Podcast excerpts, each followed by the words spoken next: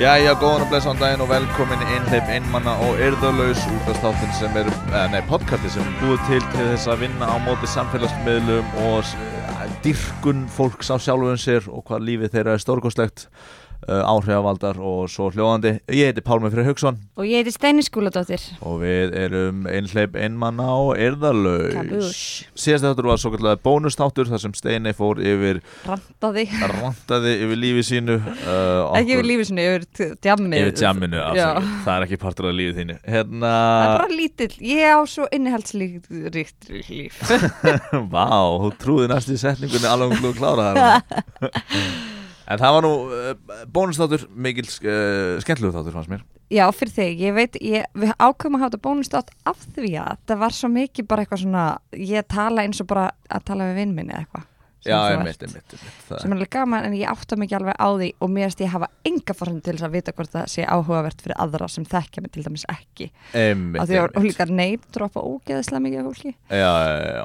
Það, þess vegna var þetta bónustátur Já, En- now we're back on track back on track, back to business eins Mhm. og ég kýsa að kalla það Steinei, hvernig líður þér? Mér líður alls konar. ok Uh, Ég var að koma frá útlendum með reykjaukudætrum, mm, það var ógeðslega gaman, kekja en einmitt, mér leið alls konar þar líka úti. Við fórum mikið að djamma og ég var einmitt að fylgjast bara með sjálfri mér, af því að við erum bara tvær samt sem erum einhleipar í reykjaukudætrum.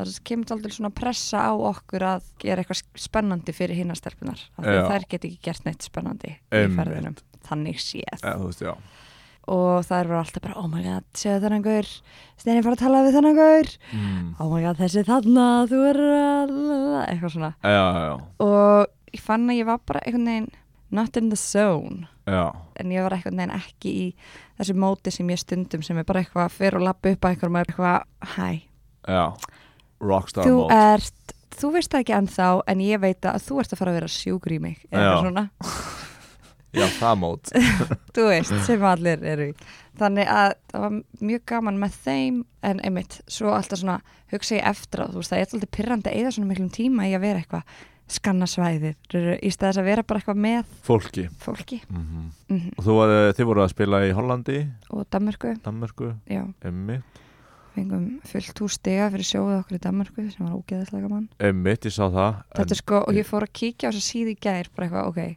hvað, þú veist, hverjum eru þeir samt að, hvað tónleika aðra eru þeir búin að fara Já, og þau voru, þú veist, að hróa skeldu já, þannig að þú veist, og eins og Wu-Tang Clan var að spila þar, þeir fengu tveir- 2,5 í einhvern, við fengum 5 Cardi B, hún fekk eitthvað 3,5 Emmitt Ég reyndi að lesa dómin en hann var allir á sænsku eða dönsku eða eitthvað. dönsku, Það var dansblað Já. Emmitt, Emmitt, Emmitt En til innilega til hafingi með það takk fyrir það Þannig að þú ert búin að vera svona upp og niður já, mm -hmm. svo í gær þá hérna, strákurinn þannig sem ég fór heim með Mhm. daginn við erum samt búin að fara heim saman aftur eftir þetta, Já briljant kynlíf, uh -huh. ekki ja briljant samtöl mm. Ég var að vonast til þess að þetta geti verið eitthvað sem ég geti haldið áfram út áður þangar til ég fyrir til LA Já, en hann var að loka það í ger já, hvernig var hann að gera það? uh, hann sagði bara ok, ég verð samt að taka fram að sko síðast ég hitt hann Já, áður en ég fór út að því ég kom og vorum eitthvað að spjalla og eins og ég segi, þetta eru ömuleg samtöl aha og ég var bara eitthvað ekki f- að, þú veist, stundum þú veist þá var maður að spjalla og maður bara eitthvað, oh my god, mér langar í sleik við hann eða finnur að hinn manniska vil gett fara í sleik við mann Aha, en ég var bara eitthvað, ég finna ekkert Emmitt og svo bara, þú veist, þegar hann kissir mig þá bara ekki, er það alveg out of the blue Þið heyrið ekki tónlistina Nei. En hvernig þá, þú veist, er þið bara eitthvað svona, já, ég meina, þú veist, uh, þjóðarhagfræði Pólland sem alltaf er erfið og sem bara kemur sleikur. basically en allavega þannig að ég segi eitthvað svona ok, næst þegar við hittumst þá verður við bara að sleppa þessu spjall í byrjun Já, og hann eitthvað, já ok, lítur þú svona á þetta ok, og ég eitthvað, ha já, nei, ha eitthvað svona, já, skilur hvað ég á við nei, ok, ég basically að við séum bara að sofa saman já, já, já, já, hann var að, mig grunaði það, að, já, já. nei, nei, á bara þessu, ég veit ekki kannski að því ég var að segja það ég veit það ekki, Ég vil ekki álíta útráðu sem var að segja bara eitthvað, já, hann vil bara svo, hann var, og sem var að þú eitthvað, nei, hann var að meina allt annað. já, Þá jú var ég eitthvað, ó, nei. jú, eða þú veist, ég held að hann hafi verið að segja já, ok, þú vilt bara sofa saman sem var og samt, var hann að segja það, já lítið þú á þetta þannig að við sem bara að sofa saman? Já, þannig að ég er með smá samara yfir því að hafa verið basically að hlutgeran eða eitthvað, Já, kynlífsgeran bólfélagageran, akkur, akkur það slæmt ég veit það ekki Já. af því að kannski af því að hann vildi eitthvað annað og ég var eitthvað, ó, ó ég fatt það ekki Já, þú helst kannski að það var í málið að Já. hann held að þetta var, e, e, gæti orðið eitthvað meira en varst þú Já. ekki að stinga upp að þetta og gæti verið- prófa hufst, gera eitthvað meira er ég meðskilja eða þessi- svona að fara og hittast og fá okkur ís og tala um tilfengar og lífið ég var ekki búin að stinga upp á því Nei, þú varst ekki að gera það í lókin nei, nei, nei, ég Næstur við hittumst já, þá í síðasta, já, nei þú veist, það, á þessum tímapunkti þá vorum við bara búin að hittast og þá og sofa Já, saman já, já, og svo þarna, þú veist, þá segi ég eitthvað heyrðu, næst þegar við hittumst já, þá ætlum við að spja, sleppa þessu spjalli hérna já. fara bara beint í að ríða Já, þú varst að gera ennþá minni tengingu ykkur um Já. þetta Emmitt, ok, ég held að alltaf að segja Næstur við hittumst, þá fá okkur ís og við tölum saman Nei, og nei. gefum endunum brauð eða eitthvað svona nei, okay, Ég var að okay, okay. Þú varst að saxa stytta- enn þú varst að meira. Saxa ennþá meira bara, já, Já. Næst, Ég vil ekki segja því fötum næstur við hittumst já finnst leðilegt að þurfa að klæða úr þeim þannig að var hent út að það var bara nægin því ekki en þú veist, þegar hann sagði þetta þá var ég allir eitthvað, já, býtu já, býtu, hvað vil ég út úr þessu eða þú veist, eitthvað svona Og hvað töluðu þið um það? eða? Nei. Nei, þið sagðu bara eitthvað svona Já, ok, þú lítur svona á þetta já, Mm. Og sem var bara svona þögn og óþægilegt Þið fóru bara að hugsa í, í, í sínu hotni nei, við fórum bara að tala um eitthvað annað. Ok, ok, ok Allan, þú fyrir útlanda, ertu bara að hitta síðan þegar þú komst heim eða? nei, svo kem ég einmitt fyrir til útlanda kem á sundaginn og ég sendi hann um skilabóð eitthvað sundagskvöld bara eitthvað, hæ, og hann eitthvað, hæ Hmm. Mm. og þá stingi ég upp og sem að við myndum hittast og þá segir hann að heyrðu, ég verði eiginlega að segja hérna, ég er búin að vera að hitta aðra stelpu og ég er eiginlega orðindaldi skotin í henni Mm, meðan þú varst í útlandum Já, þú veist, já Æ, ok þá var það bara það Já, hvernig líðið með það?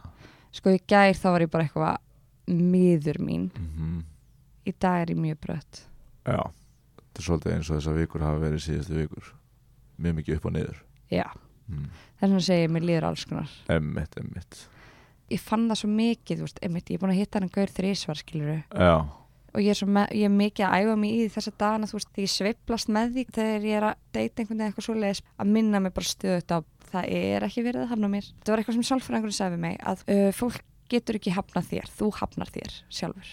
já, Þeir sem geta hafnað þér það er bara, þú veist, svona, þú veist, fjöls, nánasta fjölskylda og nánustu vinir, já en fyrst og fremst þú sjálfur. Já, en þú hefur eh, finnst þú að hafa átt erfitt með höfnun in the past sem eitthvað svona issue eða Mjög. Einmitt. Mm. alveg Já, við mjög. höfum þetta að tala smá um það Og alveg bara þannig að, þú veist, sérstaklega eins og því ég var í mentaskóla, að ég bara gerði ekki neitt. Já, til þess að vera ekki að hafna Já. Einmitt, einmitt ég ætla ekki að setja mig vísvitandi í aðstæður þar sem ég gæti fengið höfnun, skilur. Já, já, já Allavega, þannig að já, þetta er svona, mér er búið að líða alls konar, en einmitt, ég kannski tekt aldrei út úr þessu að, og ég skora á hlustundur að gera slítið sama. Æfa síðan, láta hafna sér að því að það er enginn sem hafnar manni nema það sjálfur. mm. Hvernig- Ég er á mjög erfitt með hafnir, ég verði ekki Já, Sérstaklega professional hafnir, minnst það er mjög erfiðar já. Ég á eitthvað, ég á mjög auðvelt með það, sko. Já, Að því ég, fokkaði þá nei, eða þú veist, þetta er áhugavert, skilur Já, að, að því að ég er bara eitthvað þar þá er ég bara eitthvað get confident ég er bara eitthvað, já, ertu að hafna þessu já, þú veist bara ekki betur mm, já, já. hálfviti að því geggi hugmynd Já, ég er búin já. að hug, leggja ógislega með eða þú veist, að ég, ég, er mitt, ég er búin að hugsa ég ætti að vera svona, eða þú veist, mér finnst Já. að ég ætti að vera dagskrástjóri Já, já, að því ég er bara eitthvað, mér finnst ég geta verið bara eitthvað góð hugmynd, já, slæm hugmynd já þetta mun virka, þetta mun ekki virka, eitthvað svona Einmitt. og þegar við erum að gera sketsina þá finnst mér ég vera genius, ég er bara eitthvað að horfa á og bara, já, þetta virkar Já, nei, virkar ekki já, eitthvað svona. já, já, einmitt Uh, þannig að Ég fyrir Hvað- átt í þessu hugsun líka sko já, Þið eru hálfvitar, þetta er geggjuð hugmynd Hversu heims getið þið verið? allavega, það slær mig ekki út af læginu þegar ég fæ nei, Nei professionally mm. Jú, Það er- nema einu sinni, þá Já. sótti ég um einhverja stöðu um þetta að vera svona dagskrastjóri sem ég og ég fikk nei Dagskrárstjóri við Rúbana. því Hversu? Ok og ég var bara, what? Sóttir um að vera dagskastjóri einhvers staðar Já, æ, rúf 0 Já, já, já, já, einmitt Það skil ég en ég þarf að sækja mér aðeins meiri mentun ég gera það setna, ég verð dagskrastjóri einn daginn Já, já, það er enginn sem efast að þið hefur einhver ágjörð að það sé ekki að fara að gerast Ef þú Ég er ekki að segja þessi Það er allir, it's the talk of the town Það er allir bara, Talk of the town, baby Steini verður dagskrastjóri í dag Ég er komið niður talingu Hvena steini verður dagskarstjóri Yeah, I believe in you Takk, Ekki máli Mm. sömulegis Þess vegna finnst mér einmitt að hérna, alltaf þegar þú farið höfnun, talaði þá við mig og ég skal segja þér hvað va það var sem var ekki að virka Já, ástæðan fyrir það kom höfnun mm, ok af því að það hefur ekki með hugmyndir að gera Nei, nei, nei það hefur með þá sem að þú vart að pitcha til Já, I'm it ekkert mál Pálmi minn, I've got your back You got my back, thanks girl en hvernig líður þér? Mér hefur liðið bara frekar vel upp á síkast Ég verð að Það var segja það Mm. geggja, þú ert búin að vera að djamma mikið Jammaði um helgina mikið Það var bara mjög gaman Út af að ég hafði ekki jammað í nokkrar vikur Út af að ég var þú ert að vinna svo mikið Já, sérst, held ég frá síðasta hætti þá fórum við til Þískaland mínus bónusátturinn Já, fórum til Þískaland, þar voru að jamma og sína á spunaháttíð síðan fór ég beint að vinna eða bara hérna í 10-12 daga eða eitthvað þá sennaðist ég eða þess var mjög eh, með mikla rútínu í gangi, var samt að vera svolítið brjálaður svona í lokin, búin að vinna frekar mikið shit sko. uh, og síðan kom ég heim og bara eitthvað Just, ég var endur að vinna smá um helgina á Akranesi uh, að vera kynner á heimildamundið hátíðinni Ice Dogs en og síðan var ég bara eitthvað að skemmta með, með fólki og hafa gaman sko og það bara var bara ógæslega gaman og svekur ekki andlega á sko geggja ekki það búið að vera svona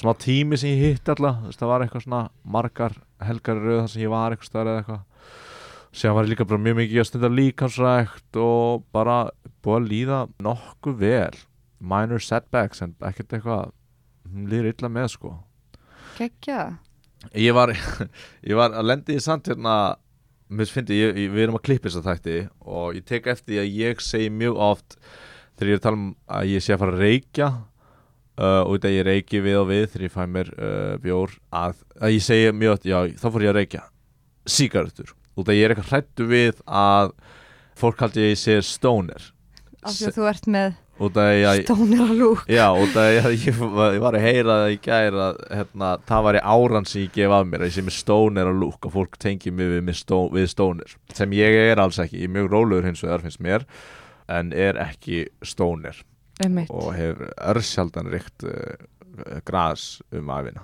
og Fyndið. ekki fílaði það mikið sko Nei, sem er mjög þannig að nú áhugavert við skulum álit. bara fá það á hreint fyrir lustendur Ég Pálmi er Freyr Hauksson ekki, reykir ekki gras ekki stónir en bara já, mér er bara liðið frekar vel sko frábært, Já, geggja að heyra mm. Ef þá vind okkur yfir í Má ég vinda mér í einn aukalið? Út að ég var um daginn í Vesturbæðalög Fór í heitapottin og ég ástundum ef ég er ekki með henninum og þá hérna sest ég pottinu í svona huglegu kannski svona tímindur eða eitthvað ef ég er solo hérna í lauginni og það er ekki ómerkileg maður en Edgert Þorleifsson sem situr við hliðin á mér og Love Him Love, algjört legend, skilur við bara svo netta hafa verið í gríni svona lengi allan, hann er að tala við vinsinn og ég er ekki að hlera en ég er að huglega þannig að ég getur ekki annað en að heyrta sem hann er að segja og hann talar um svolítið sem við töluðum held í fyrsta þættinum eða öðrum, hann er að kvóta einhvern heimspekinga eitthvað slags og hann segir, já, ég meina þú finnur sjálfa þig aldrei en þú getur skapa sjálfa þig wow. sem er umræði efni þáttarins þegar við vorum að tala um uh, Rocketman. Rocketman og allt það dæmi og það var heimsbyggingur sem sagði grunlega þú ert ekki eitthvað heldur þú veist þú verður að búa það til sem var bara áhört að hann var að tala um það sama og við nema orðaði það þúsund sinnum betur og fór ekki í fimm hliðarsögur bæði ég og þú áður en hann gætt spurt spurningarnar en mér er bara áhört þetta var bara akkurat setning sem við vorum að pæla Getur í sagt hann einu svona enn þú getur ekki fundið sjálfa því en þú getur skapað sjálfa því Ú, en þarna er náttúrulega er búið að taka ákvörðunina skilur en Einmitt. spurningin okkar hefði verið þá finnur þú sjálfa því eða skapar þú sjálfa því mhm en mér er bara áhört að hann var að, að tala um þetta Einmitt. Mm.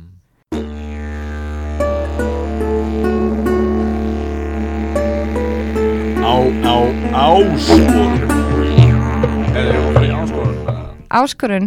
Mm. Uh, ég fekk áskorunna að fara í svona flót, já, það sem heitir hýdraflót. já það, þú fórst Já, ok, uh, ég byrði mér sem mömmu með. hei Já, af því að hún er búin að vera í svo fáránlegri törn ógeðislega mikið að vinna þannig ég var bara, það er einhver sem þarf að fara í smá flott, þá var það nú mamma mín. já, það voru bæði kostur og gallar við þetta aha sko, það hýtraflót virkar þannig maður fer inn í svona, hvað á ég að segja líkistu, maður fer inn í einhvern svona, þú veist hólk hólk, já, hólkur heitir þetta hólk sem er læginu svo risastór pilla já, inn í hólknum þá sem sagt er vatn sem er 37 gráðu heitt já, bara eins og líkamshittin og það er 500 þú veist, kíló af salti eða eitthvað 500 gram af salti ekki kíló, já 500 kíló að salta ég var ekki hvað að segja það er allavega ógeðslega mikið af salti já, þannig að maður flýtur já, í vatninu og svo þú veist, lokaru hálkinum og þeir slökku ljósot á að vera þú veist upplega eins og maður sé í þingdarleysi já og það var næs, ég var ekki eitthvað svona þetta var ekki eitthvað svona það sem ég var bara, oh my god, geggjað mér langar að gera þetta ógeðslega mikið nei, en og, og maður er klukkutíma að þenni sko, ummitt sem er ógislega mikið eftir 45 mínútur held ég ég veit ekki nákvæmlega hva- hvað tímanum leið þá var ég komið með svona, þá var mér farið að leiðast já, já, þangað til þá var alveg fínt að einmitt bara eitthvað svona vera að reflekta á þú veist eh, hvað, er búið, að- hvað er að gerast í þú veist, bara svona daldil hugleisla já, eh, svo var mér farið að leiðast og svo loksins kláraðist þetta en það sem að mér fannst mest næs við þetta það er þetta salt mm, að fljóta nei, við það að liggja í saltvatni já, þetta er leið fyrir líkamann til þess að taka upp salt já, sagði allavega gaurinn sem vinnur alla ummitt endilega einhverju læknar leiðrétt okkur ef það er að hlusta fullt að læknum hlusta sko en í bók sem ég er að lesa þá er þú veist verið að tala um eitthvað svona þá fara þau alltaf á sumrin nýr á strönd þú veist í nokkra vikur til þess að vera í sjónum og þá að vera svo gott fyrir heilsuna já, og ég er alltaf til einhver mér þetta að fara meira í saltvatn það var bara lífið að vera sjósundi eða eitthvað ég hugsaði það sko já, ég sem hata kulda sko ég hata kulda já, ég er ekki það hrifin af svona kvöldum pottum og Nei. svoleiðis. en ég hugsaði að því ég er að fara til LA aftur í haust að bara vera duglega að fara í sjóin þar Ah, en það er aðeins lýri einmitt, einmitt En þetta var mín áskorun, þannig að, Jú. já, hýtraflót, þetta var fínt. Já, Mamma fílaði þetta geggja mikið, ok, ok, ok það var geðveikt að fá salt í líkamann. Einmitt, einmitt En þú fegst áskorun að fara til sálfræðings. Já, Hvernig var það? það var bara mjög fínt sko og Já. mjög áhugavert og skemmtilegt Ok, uh, eitthvað sem uh, mér lengi langa að prófa og langa bara að fara í gegnum þetta svona step by step sko Geggjað. að ég get eiginlega ekki mælt meira með því eða just ég bara mæli með því fyrir alla að fara til sálfræðings jafnvel þó maður sé með lítil vandamál já, þetta er oft uh, reyfrildi sem ég á við vinið mína sem vil ekki fara til sálfræðings út af þeir uh, uh, trúa uh, ekki á sálfræðinga anyway, ég pantaði með tíma í í gegnum kvíða með fyrir stöðuna nennir að segja mér Já. að, að þú segir þeir trúa ekki á sálfræðinga, Aha, að því að þú segir að þú trúir ekki á stjörnusbyggju þannig, já, hvernig lýsir þeirra trú á sálfræðinga sér? Hvað er að trúa og ekki trúa á? þeir eitthvað sem- halda að þeir get ekki list neitt eða þú veist Já, að ok, það sé ekki góð leið til að leysa vandamál ok. skilur. Og þessi betra að gera hvað? það er ekki neitt eða eitthvað Mm, eða þú veist bara eitthvað svona, já ok en þú, þetta er greinilega vandamál sem þú átt við já, uh, þú veist af hverju ertu ekki að gera eitthvað í því Já. og það var bara eitthvað svona, já ég- þú veist, þetta er bara eitthvað vandamál sjá, eitthvað svona, svona, svona tal finnst mér mhm, sem er bara eitthvað, já ok, þetta er greinilega eitthvað sem sálfræðingur getur hjálpaði með já, og það var eitthvað, næ, ég held ekki bara eitthvað svona, ok, Ski, skilur já, ég skil. já, ég pantaði með tíma gegn kvíða með fyrir stofn Stöðina, stöðina beð mjög lengi eftir svari verði ég að segja en það var sagt einhver staðar að þú veist maður getur náttúrulega að fara á einhverju bráða móttöku og okkur leis fekk síðan tíma átt að koma 20 myndum áður en tími byrjaði var ég að fylla út svona eyðublað já, um þig, fyrir það bara um mig þú veist, hversu oft va- var ég dabur síðustu tvær vikur, hversu oft hugsaði ég þetta síðustu tvær vikur og þetta var l- mjög snemma eftir að ég er búin að vera upp á jökli að vinna í tvær vikur eða eitthvað leis og þar er einhverja bara í okkar ríðalegri rútínu já, þannig að ég var mjög sennar þegar ég kom ánga sko þannig að ég eksa við hennar lista og, og, og, og er að böglast með hann og fyrir síðan að tala við sálfræðingin og fyrsti tíminn það er ekki beint að marka fyrsta tíman sko hann er meira bara svona sálfræðingurinn að sapna upplýsingum um hann já, og þú veist, hann er ekki, við erum ekki að fara mjög djúft á einhver málefni skilur þú veist það getur verið bara eitthvað ég get sagt hann eins og hann sagði, ég get sagt hann frá bara eitthvað, uh, já og síðan var ég fyrir rosl, þetta er ekki satt þetta dæmi en síðan var ég fyrir gríðalegu einelti í æsku og það hefur mótað mér rosalega mikið og þá getur hann sagt já ok, en áttu gæludýr eða eitthvað svona, bara til að Já. fá einhverju upplýsingar um hann, Já, það já, fer já. ekki beint inn í og hérna, Svo sé bara eitthvað alveg druttir saman mm, já. Hvað ég með var gæludýrin? þá á dýrum já þannig að við förum yfir um spurningalista og við tölum saman uh, ég lýsi því fyrir um að ég hefði átt að fara til sálfræðings þegar ég var úrlingur en sem byrjaði ég að hugleið og gera eitthvað sem miðist skemmtilegt svona um 20, 21 árs eða eitthvað Mm já hann bara segir hvað það er gott og hvað það er örgulega hjálpað mér mikið Já, og ég er líka bara upfront að ég gera rannsóknarvinnu fyrir podcast sem ég er að gera og hann er bara ok, ok, ok hann er bara frekar sáttu með hann spurningalista hann segir bara já, þú virðist ekki vera að glíma við neinn mjög alvarleg vandamál eða svoleiðis, en hann talaði við svolítið þegar ég tala oft um minna í þessum þættu og við kannski um uh, krónískan leiða eða krónískan kvíða emitt og hann var ekki mjög hrifin af því ekki að hann hlusta á þættin en bara þegar við vorum að spjalla sko, hrifin af því, þeim hugtökum út af því að eða þeirri pælingu að maður er eitthvað krónislegur í langa tíma eða eitthvað leiðis eða kvíðin út af því að þú veist, þú getur bara að haga lífi þínu þannig að þú komist aldrei í kvíða ástand og þá ertu ekki að díla við kvíðaðinn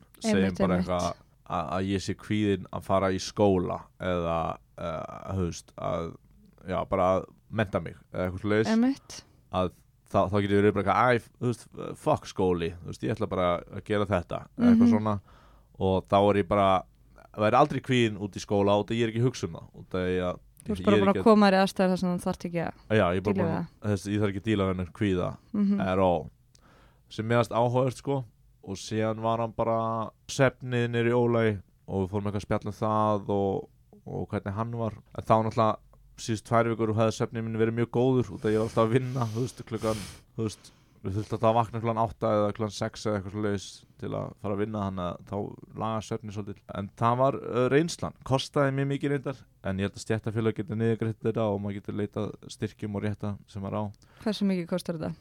16.000 Já, ég get bara ímynda með þú veist fyrir einhver svona fólk sem á kannski stóra fjölskyldu eða eitthvað svo leis og svo er er þetta alveg uh, stór biti já mitt fyrir uh, fó- vinnandi fólk sem er kannski að reyka fjölskyldu Algjörlega en já, bara mjög áhugaverð uh, reynsla sko mm Og Og- langaði þið að fara aftur eða?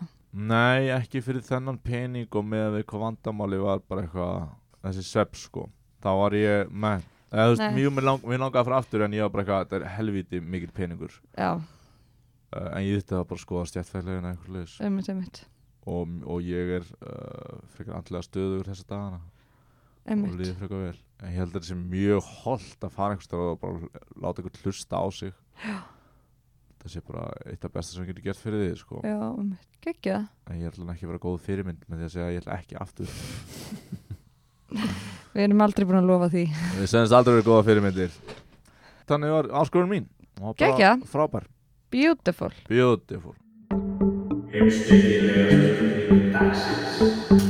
Hörru, þá vindum við okkur eh, beint í næsta lið sem er uh, heimsbyggilega spurning eh, dagsins Jep eða vikunar eða eitthvað Já. eða í podcastins þáttarins og spurning mín þessa vikunar er uh, nú er fólk að hlusta á þetta mikið uh, ég veit ekki hvað, af hverju fólk er að hlusta á þetta en við erum að tala um andlega málefni og andlega líðan og við höfum bæði sokkið í djúpan dal tilfinninga áður fyrr uh, varandi þunglindi og kvíða mm og ég held að væri áhvert kannski að við myndum tala um þann svona low point eða læsta stað, botnin jafnvel Já, og hvernig við komumst upp úr honum og það er oft margar ára ferli sem já, er- emitt sem er ekki búið endilega já, kannski botnin og hvernig vinnan var að vinna frá honum Ú, nú veit ég, eins og hérna, tölum aðeins um þetta, þú veist, að ná botninum. já, Mér finnst eins og ég hafi átt svona nokkra, nokkur skipti, þú veist, ég á ekki bara einhvern einn botn. með ekki eitthvað svona narratíflögt eitthvað eins og einhverju bíómynd botn Já, Nei, einmitt. En ég þú held að það sé flestir sem já, segja er það ekki, já. Eh. maður á bara svona djúpa dali einhvern veginn. já,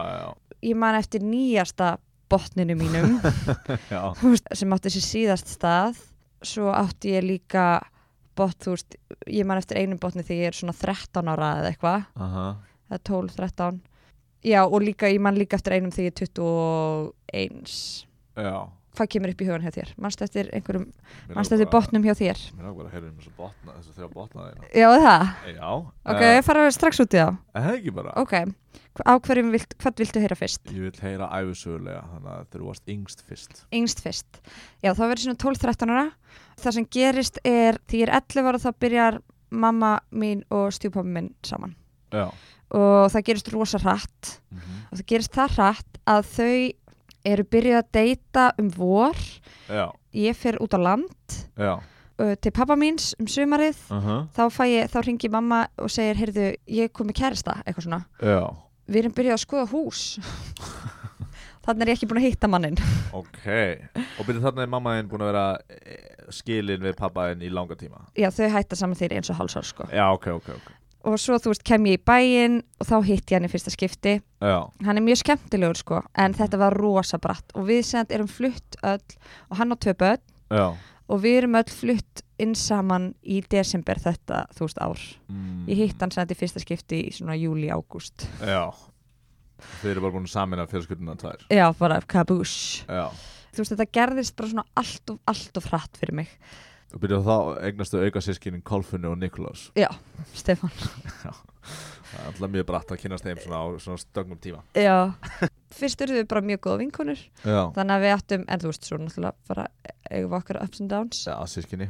og þú veist líka einmitt við á sama aldri og það var einhvern veginn, þú veist, við erum að fara við erum hann í sjönda bekk og eitthvað svona Já. og þú veist, það sem er bara hormónin í hámarki og m- mega samanburður í gangi, þannig að það Já. var ekkert holdt að eiga allt í einu þú veist, systur sem er bara í- nákvæmlega jafngömmul og þú einhvern veginn, Já. uh, en líka frábært Aha. en allavega það sem gerist síðan að kemur sem sagt ný stelpa í bekkin þegar ég er sjö, í sjönda bekk Oh, motherfucker. já, Ég Veit bara hún er motherfucker. Já Og það gerist bara að svona á einu bretti Já. það hætti alla vinkurum mínar að hanga með mér og fara að hanga með henni Ugh. og þú veist, alveg hluta mér örgulega sakast við að sko ég verði ógislega þrjósk Já. að ég bara, já, nei, heyrðu, höfum eitt á hreinu að ef, þið þurfið þá bara að velja á milli ætlaði Ah. að vera með henni eða þú veist, eitthvað svona Einmitt. en um, um, það var kannski áhugavert að spurja þar úti að hvernig þær upplifðu þetta Og kannski þess að stelpu líka. já, um, Kemur alltaf nýjinn í skóla. já en hún var bara ógeðslega sætt já. Fáið. Nei, hún var alveg bara svona eh, þú veist, hún hefur unnið ungfrú Reykjavík og eitthvað svona Já. og hérna hefur verið með æ, hvað heitir hann, leikarinn sem að er í Star Trek, Chris Po- nei. Pine þau Pine, voru já. kærustu par Já, já, hún er bara svona fáránlega sætt já. og bara flott á því, skilur Aha. þannig að auðvitað, þú veist að hugsa eftir það bara auðvitað urðu bara allar vinkonum mínar skotnar í henni, eða þú veist, eða sinn vinkonum skotnar í henni, skilur Já, já. og allir stráknir í bekknum og bara en byrju, ég va- bara, va- en, en, Ég skil ekki hvernig að það hafa áhrif að það yfirgáði þig já, Eða varst þú einhver svona lítir í þessum hópi eða? já, smá Já, ok Þannig að þetta var svona Það að kom nýr líder. Það kom nýr api og varð alfan í hópi já, Já, ok Þannig að þú ég var varst svona apin út í hodni bara, Já, ok, þú varst, máttir ekki vera bara na- einn að hinum öpunum ég, Eða varst ég, þú veit of ekki, stolt fyrir það? ég veit ekki hvort ég var of stolt eða hvort ég mátti ekki vera með Einmitt, einmitt, einmitt eða kannski bara blanda Já, já þetta er oftast ekki svona rosa skýrt sko. Nei.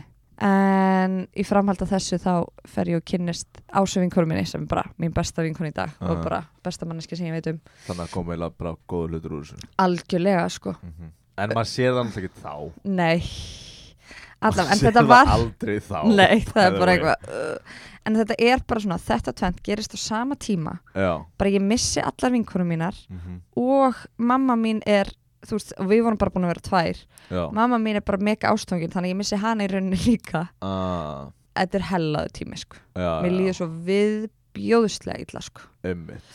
og líka úlingar eru að Líka prófa hormóna- tilfinningar í fyrsta sinn svolítið. Algjörlega. þær verða svo stóra algjörlega hormónum bara út um allt ég meina ástofangin úlingur er bara eitthvað upplega bara eitthvað nýtt þú veist. Já. það er bara svona lítið krakki sem dettur í fyrsta sinn eða sko eitthvað. Þetta ég er bara versti skil sársauki í heimi. ekki kennara sem vilja kenna í úlingatilt þetta er bara bestu vinnum að gera þannig að- sjálfs eigðingar hvað dauðans já, að vera í kringum krakka sem eru bara ég veit ekki hvað er að gerast í líkamanum mínum en ég ætla bara að akta það út og ég ætla bara að geta tussa eins og því ég var ógustlega sexy líka og svo ætla ég bara að lifa já, krakka bara að vera óþólandi og maður verður bara að vera bara eitthvað jöpp, þú ert bara á þeim tíma það Já. sem út á óþólandi Já. tímanum þínum og seti sér í þá stuðu bara já, ég ætla að kenna þeim eitthvað, ég ætla að hanga með þeim alla daga fólkinu sem er í mesta ójæfvægi Ah, það er hetjur í samfélaginu okkar einmitt og það gerðist líka þarna þú veist að í tíunda bekk þá hérna, þá eru stelpan farin þessi stelpa, ógisla sæti stelpa hún var í sjönda, áttunda bekk svo fór hún, þá var eins og sko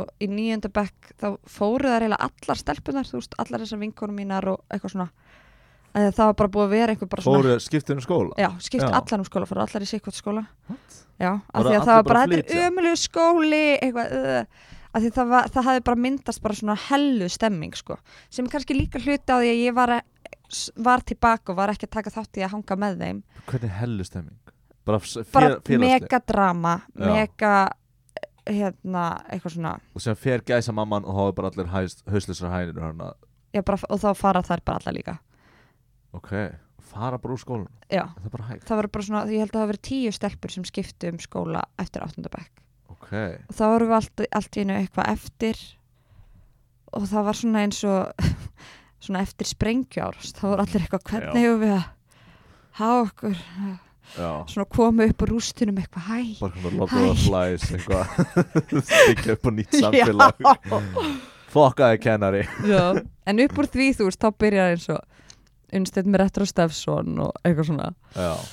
og þú, þú er bara að upplega mjög mikla vanlíðan hérna í einhver ár já, er bara mega höfnun já, basically bæði höfnun heima fyrir já, af því að ég er bara eitthvað geðveitt mikið bara heyrði þetta er að gerast allt og frætt og ég þú veist bara þróaði með mér ég bara hataði stjúpamma minn sko einmitt og líka mega höfnum frá þú veist bestu vinkonum mínum já, að þetta bara já, já. gerist á nákvæmlega sama tíma bara ha- mamma hafna mér og vinkonum mínar hafna mér einmitt, en uh, ég skil með vinkonurinn en þú upplegur þetta með mömmuðinu sem höfnun já, ok, út af aðtikl hennar var að dreifast já, aðtekla hennar var bara á stjúpamma mínum já, við vorum bara alltaf að rífast þú varst djúpabiðin nei, ég og mamma já, og stjúpamma mín alltaf ógæslega pyrrar út í mig þau fóru til einhvern svona sálfræðings sem að var alltaf að ráðleggja þeim að- að ignora mig bara briljant Já.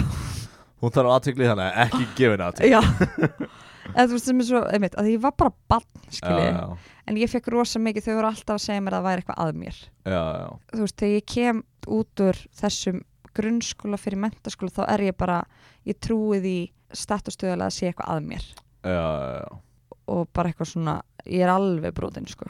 já, já. En þú, ö- þú, veist, þú áttaði kannski ekki á þessum tilfinningum og meldi þér á þessum tíma þú ert bara eitthvað, þú ert ekki eitthvað að vera að hafna mér eða þú veist, ertu Nei, ég Nei, get, maður kann er ekki bara orðin eitthvað- fyrir það sko. Nei, einmitt. en ég samt finn það rosa, þú veist, að horfa tilbaka þá var bara eitthvað vá, hvað ég var samt með tilfinn, góða tilfinningagrein bara setja niður hælan og bara ekki fara svona hratt já, þú veist, sem er bara 100% það sem þau voru að gera skiluru, Já. einmitt byrja að skoða hús áður en ég hefði hitt mannin skiluru, uh það var ekkert eitthvað að heyrðu, tökum hérna tvö ár þar sem að við erum að já hérna, þannig að krakkarnir séu ennþá í stabiliteti og mm það var bara eitthvað, nei hæ ó, við skulum byrja saman Já, já, já. núna, mm -hmm.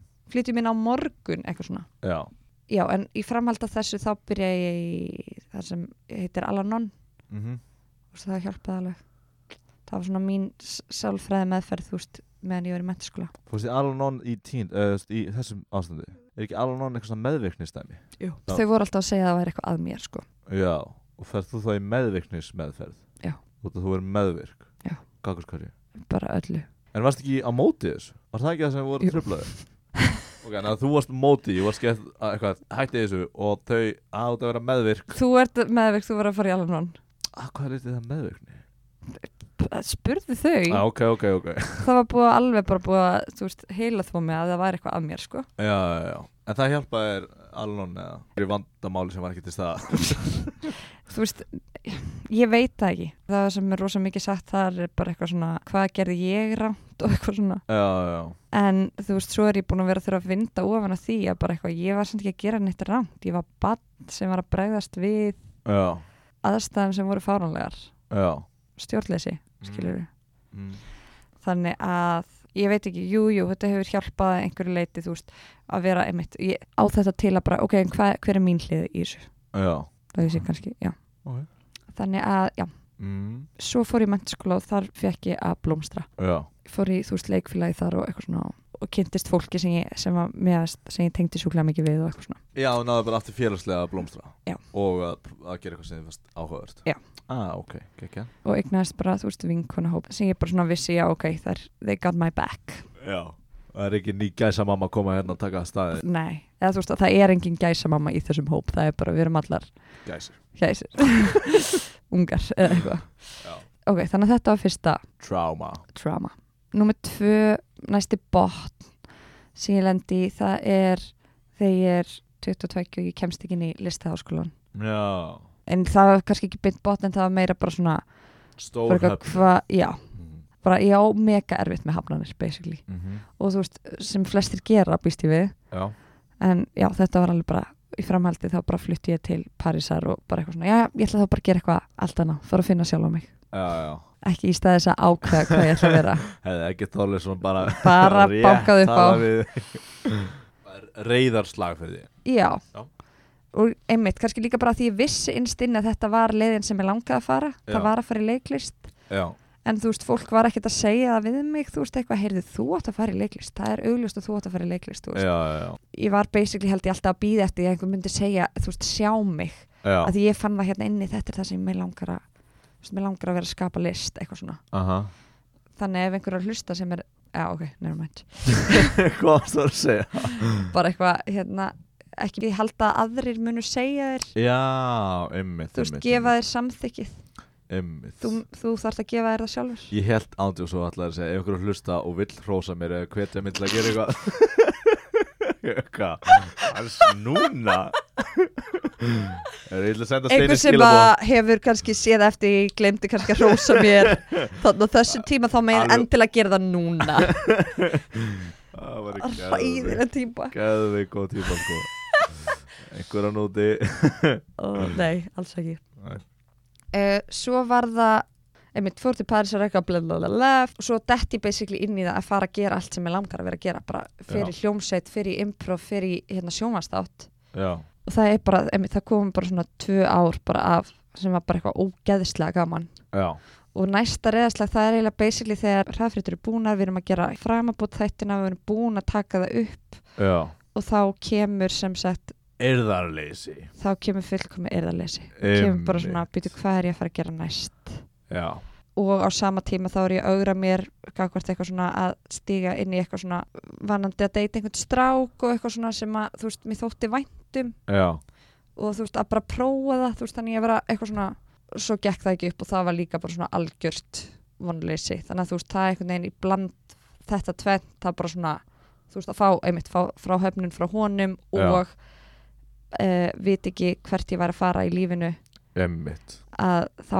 þá fekk ég svona, þá náði ég botni Já, og í framhaldin af því þá fer ég á kvíðalif ymmið Það, þetta er mjög held ég uh, mjög mikið svona post-college stig sem hún komst á þarna. Einmitt. og það var fólk bara geggjaðan skóla sem Já. var hraðfettur, reykjafettur, improv og okkur svona og frampot og sér, hefst, ef maður er í þessum skóla í nokkur ár Já. bara eins og að vera í listaskóla megastuð, bara alltaf að gera, alltaf að Já. gera eitthvað og sér klárast það bara og bara pff, bara eigðum eitthvað, það er ekkert fyrir framann Já. og að maður ekki gera neitt Já.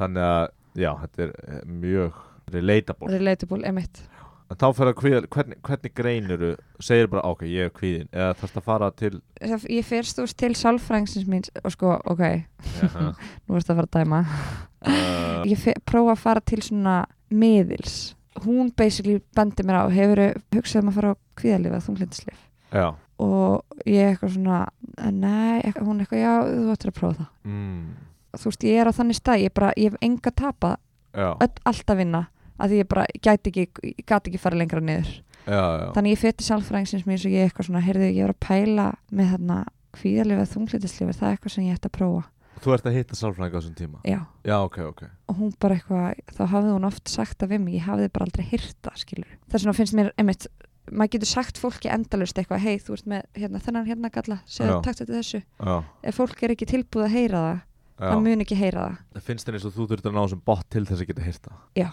ég þurfti bara að gera þetta ge- þú veist, ég þurfti bara að gefast hu- fullkomlega upp að ég Ah. hafði svo mega mikla fordóma gagvart lifjum Já, það, já ummitt og bara svona ránkugmyndir um að þú veist, maður er bara háður þessu og Já, þú veist, ég myndi hægt að vera ég og já, já eitthvað Mm. svona, þannig ég þorði því ekki Einmitt, en þarna þá hafði ég, eins og ég segi, ég var bara á botninum þannig ég hafði enga tapa já og það var geggjað sko Einmitt. Það er, ég var einmitt að hlusta á, mjög áhugavert, hérna, ég var að hlusta á svona sögur sko, það var, það var eitthvað sko við að einhver annar en nákominn segi þetta við þig. já, Þú einmitt, veist, það er einhver vinkonaðin eða vinurinn að segja eitthvað, já, það er kannski ekki sko þetta, þá er þetta bara eitthvað svona, hvað annað sem er sagt við mann, einmitt en þarna kemur eitthvað svona uh, random alveg- manneskja svolítið já, og segja þetta við og þá Já. einhvern veginn klikkar það sko, algjörlega, bara hún er að pikka þetta upp á hálftíma. eða einmitt eitthvað. Einmitt, áhugavert. þannig já, þetta voru mínir þrýr botnar Mm, einmitt hverjir eru þínir botnar? Býtu, hv- já Býtu, það var þegar fóraldrinni skildu og það og var vinkurinnar vink, já, fóru. vinkunnar og síðan var hana, þeirra, já, Frakland og síðan einmitt, já, Já. sorry, ég var bara að ríkapa fyrir sjálf á mig uh, Ég er ekki með svona narratív flotta botna eins og þú verði að viðkjöna um, Ég bara ég bara byrjaði að vera þunglindur þegar ég var í svona áttundabekka eða eitthvað og fór að upplifa tilfinningar og var bara eitthvað immediately eða svona existentialist dæmi bara, já, Hvað þetta er- þýðir það? svo- svona hugmyndir sem eru stærri en maður sjálfur þetta er allt tilgangslust Já. þetta er, það er engin tilgangur með því að gera þetta sem út að allt var leiðilegt Já. Þannig að, uh, og síðan var það bara svoleiðis bara í einhver sjáta ári eða eitthvað þú veist og já og kannski voru tilfinningarnir fara að vera verri þú veist mér leið bara eitthvað illa í skólanum fór í mentaskóla, leið hræðilega þar var ágætlega félagslega einangraður átti svona nokkra vini samt ég átti náttúrulega vini ég var kannski ekki það félagslega einangraður en ég var líka einangraður sjálf á mér bara Mhm. og eitthvað fannst mentaskóli þú veist, erfiður, bara boring eiginlega síðan var það, þú veist, fór ég eitthvað að vinna bara ár og ég var bara eitthvað þunglindur, ég var bara eitthvað mér langaði bara að deyja, basically bara allan þennan tíma, bara frá því í byrjun áttundabækjar og í gegnum mentaskóla Já, þú veist, það var bara svolítið svona þykk þoka yfir öllu, skilur Já. Ég átti alveg skemmtilega daga og var Já, að já. gera, þú veist, ég var ekki alltaf bara eitthvað heima á mér undir sæng eitthvað að grenja mm hérna, þú veist, ég var að, að hitta fólk og fara í útilegur og, þú veist, fara til útlanda og lifa lífinu, sko en bara svona einhvern veginn smá þykk þoka yfir því já, þetta er náttúrulega svo langur tíma þannig að maður er alveg að skemmta sér með vinnir sínum og eiga djúb samtöl og þú veist, prófa hluti og bara gera sem maður vill, skilur en, en samt var bara eitthvað svona undirlíkindi þunglindi til staðar já, og það breyttist líklega bara eins og ég sagði sálfræðingin þegar ég fór að stunda hugleyslu og gera það sín og bara fór svona smá að taka ábyrða lífið mínu Hva, var eitthvað svona turning point var eitthvað svona sem gerði sem að letið, þú veist, nú ætlum ég að byrja stundahugleslu og nú ætlum ég að taka þetta í gegn en ég ætla að vissi aldrei að hugleyslu myndi eitthvað virka sko nei, ég man, ég var eins og í útilegu með vinum mínum ég eitthvað, já, hvað er þú að fara í? og ég eitthvað, já, ég er í félagsæði, búið með ár af félagsæði í háskólanum og eitthvað, í hvað ert þú að fara? og hann er eitthvað, já, og allir vinum mínu voru eiginlega myndlistamenn Já. sem ég tengi ekki mikið við að langa að gera og, e- og einn vinum er bara, eitthvað, já, ég er að fara í rýtlist í háskólanum og ég eitthvað, "Ha, hvað er það? rýtlist? og það bara, eitthvað, "Já, bara eitthvað, skapandi skrifa og okkur leys og það bara, ok, ég ætla að gera það út að ég var, hvað sem er, að laumast til að skrifa eitthvað einn í einhverju þú veist, tölvumni minni bara sem enginn mátti sjá og eitthvað Já, bara svona þrá fyrir að koma einhverju frá mér þannig að ég var bara eitthvað, "Au- auðvitað, akkur fer ekki að gera það það er einhver svona fyllir ís útilegu sem ég var bara svona storm hugsanlega í höstum á mér og síðan bara eitthvað, þú veist, prófaði einhvern tíðan í huglega sem var bara eitthvað, þú veist, það var bara eins og að fara út að hlaupa eða eitthvað, það var bara einhver tilraun Í- síðan sagði einhvern tíðan, einhver áramótin sagði bara, heyrðu, nú gerur þetta okkur minnstegi, bara prófaði að gerist þetta okkur minnstegi, gátt gerist sem er ógeðslega, er, þar feilatir og hætta sko, og það er bara, mann enni ekki að gera þetta mann finnst það tilgangslöst og séðan bara eftir svona mánuð eða þrjá eða eitthvað leist, þá var ég bara eitthvað svona já, veitum, ó, ég hef ekkert verið reyður svona innra með mér reyður í þrjá mánuð sem var svona fáralegt, skilur það var bara eins og, þú veist, ég hef ekki verið að andvaka í þrjá mánuð eða eitthvað leist, það var bara þú veist, ég var svo Já. reyður alltaf og ekki reyður við annað fólk ég var bara pyrraður, þungur hugsandi neikvæður hugsanir reyður út í lífið og eitthvað svona og síðan hafa ekki upplifað það svona lengi og maður tekur ekkert eftir því fyrir eftir langan tíma mm maður er ekkert að, ég var ekkert reyður í dag maður er ekkert að, að tjekka á því nei en síðan eftir nokkra mánu var ég bara eitthvað "Herri, ég hef ekki verið reyður í nú þrjá mánu og bara eitthvað, já, það er kannski út af þessu og síðan bara eitthvað svona f- fann maður bara svolítið svona bliss Já. það var bara allt frekar næs og svífur á svona bleiku ský í einhver, nokkur ár sko já. og það var bara uh, mjög ljúft sko og hvað, hvenar hætti bleika skíið og, og síðan þú veist, síðan venst maður þessu bara Já. og þá var það bara the new bar for happiness svolítið, skilurðu. einmitt. ég er ógslag góðu núna en, en þú veist, miðað við það sem ég var er ég þú veist, mjög háttu uppi en síðan Mhm. venst maður því bara já, þú já, veist, já, nú var ég bara vanið því að vera ekkert reyður algjörlega þú veist, ég fer ekki einhver spíral hugsuna og vonleysi og þunglindi og leiða og sjálfsmálshugsunum þú veist, það Mhm. bara það, það er ekkert svona spílar lengur sko Nei. uh, og já, það var uh, já, engin svona narratífiskur botn sko Nei. síðan, þú veist, það eru alls konar hlutir þarna sem eru náttúrulega að þú veist, hafa áhrif á þetta þú veist.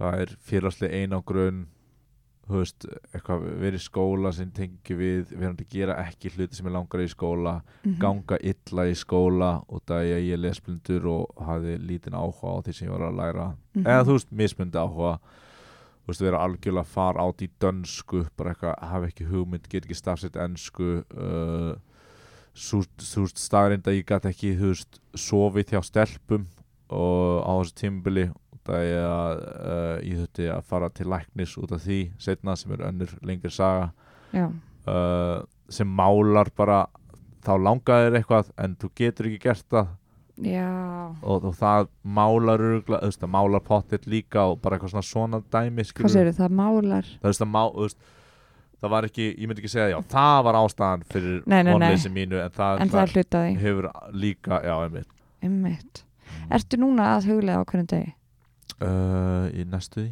já, ég get sýnt þetta aðtala mitt í símanum minni þá já sést- ég treyst ekki ég treyst ekki að þú sért að segja satt Já, ég veit, ég, takk uh, Ég var upp með að treysta vinið mínum Hérna, já, ég er Vel pretty gert. much að gera það Eða Já. þú veist Fimm, fjó, fimm, sexin í viku mm Og síðan kom og alveg er viku eitthvað síðan núna, þú veist, þar sem þú ert eitthvað svona ég væri til í að komast á þennan stað, þú veist, er eitthvað svona sem þið finnst þú geta komist eitthvað sem þið langar að komast lengra heldur en það sem þú ert núna Andlega, andlega, já, séð. um, Já, ég veit einhverja andlega erfiðleika sem ég er að tíla við núna ekki beint erfiðleika en bara svona eins og uh, þröskulda Já, þú veist, ég held ég verði bara að fá fleiri hafnanir til þess að það verði bara svona meira normið, ég held að sé mjög Já. eðlilegt að vera nýbúin í skólanum og, og, og vera, þú veist, að díla við hafnanir og vera bara eitthvað, já, ok, ég ætti ekki að að vera að vinna við þetta, eða eitthvað laus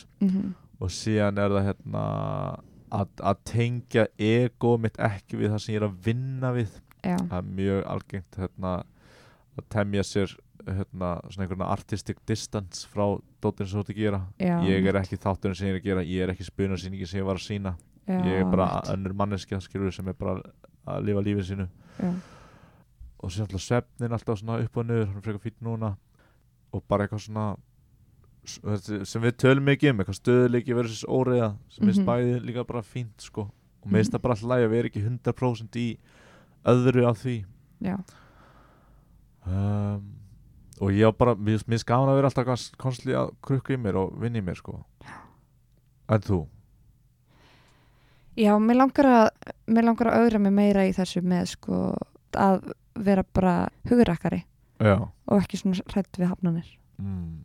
í varðandi stráka já, hún meinar ymmit já það er Og mjög hugrætt líka- að segja það samt sko mm það sem ég líka æfa mig í núna það er að deila meira með vinkonum mínum að bara segja, þú veist, ekki hafa áhyggjur að því að ég vil ekki íþingja henni með því hvernig mér líður já, hefur það verið vandamál mm, ekki beint vandamál já, en meira bara eitthvað svona kannski af því að því ég var yngri já, þá var það svo mikið konstant tilfinning að vera, ég var alltaf eitthvað svona í lámati skilur mm. að ég fór að finna að það var þre- líjandi fyrir þær skilur að vera alltaf að heyra ég var bara eitthvað já, já allt er umlegt, allt er umlegt og svo, hei hvað segir ég, allt er umlegt eða þú veist, Mhm. þannig að það var einhvern veginn ég fór að venja mig af því að þú veist, reyna þá bara að fake it já, till you make it og núna þú veist er ég búin að make it þú veist, mér líður vel já, já, mestmægnis já, að þá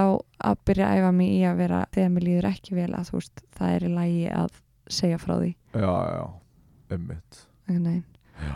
og, og treysta þeim fyrir því að geta tekið við því einmitt það er, og ekki yfirgefa mig fyrir það já, já, já það er einmitt magna hvernig mi- mismunun á fólki sem tekur við því sko, eins og Mhm.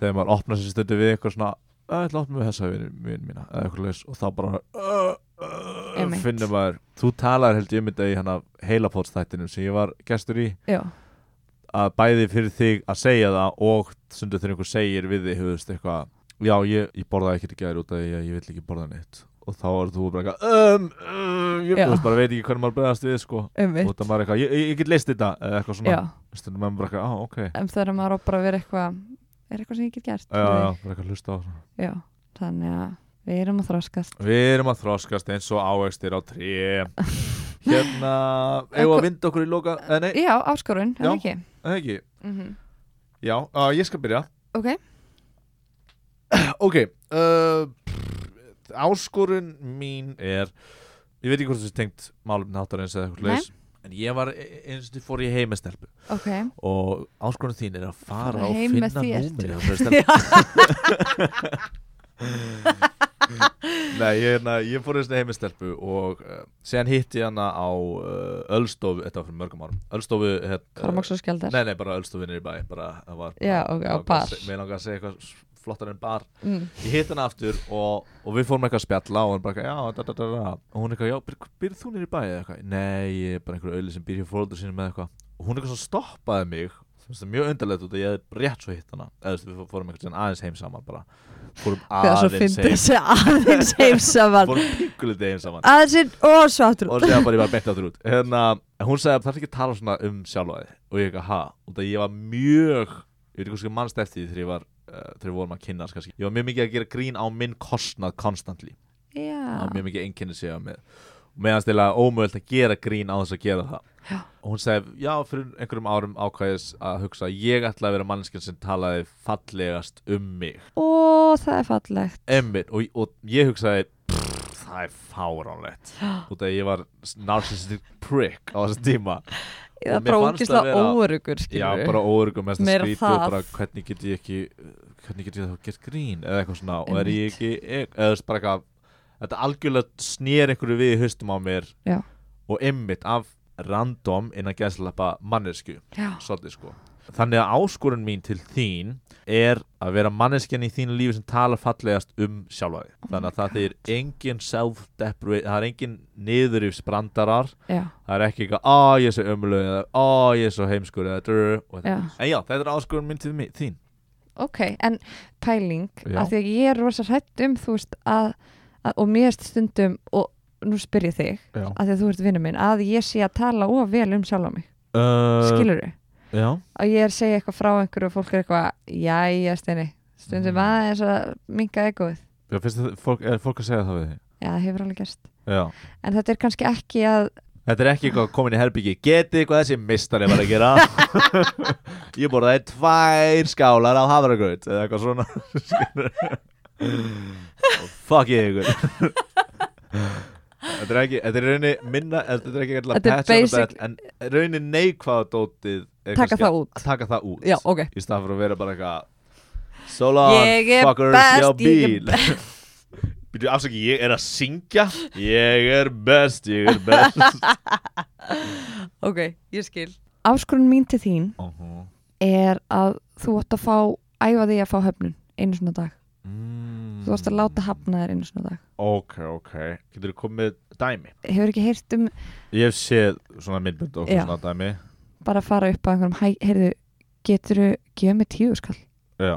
og ég get alveg farið bara alveg á búlun og segi bara selja ég kökur eða nei, er það höfnum nei, það Ok. er bara heimskulegt að, að spyrja ykkur hvað að gefa mig tíu skall líka heimskulegt nei, en þú veist, þá er þeir að fara að segja nei já, það er höfnum, já, en þú veist, eða bara svo ég er skilji sko. þetta að selja kökur af því að það er bara svona spurning þeir líka selja kökur á búlunni Aha, já, súkla kökur ok, nei, en æ, ég veit ekki, mér finnst eitthvað svona smá munur á því að, já ég er bara að reyna að skilja minn já, skilja munin það er eins og ég er bara með þetta dæmi hei, getur þú ba á ég bara að spyrja hverjum þetta er einhvern skurðlega lán með tíu skall ah, ok, veitu, það hljóta að vera eitthvað hlutami eitthvað, hei, getur þú Þú veist, ég get spurt stelpur á Tinder hvort þau vilja koma að hitta með eitthvað Já. og, og Einmitt, eða bara kannski bara- stelpur kannski þarf ekki að vera svona eitt basically bara að hér, kom mér í aðstöðuna sem ég get fengið höfn Já.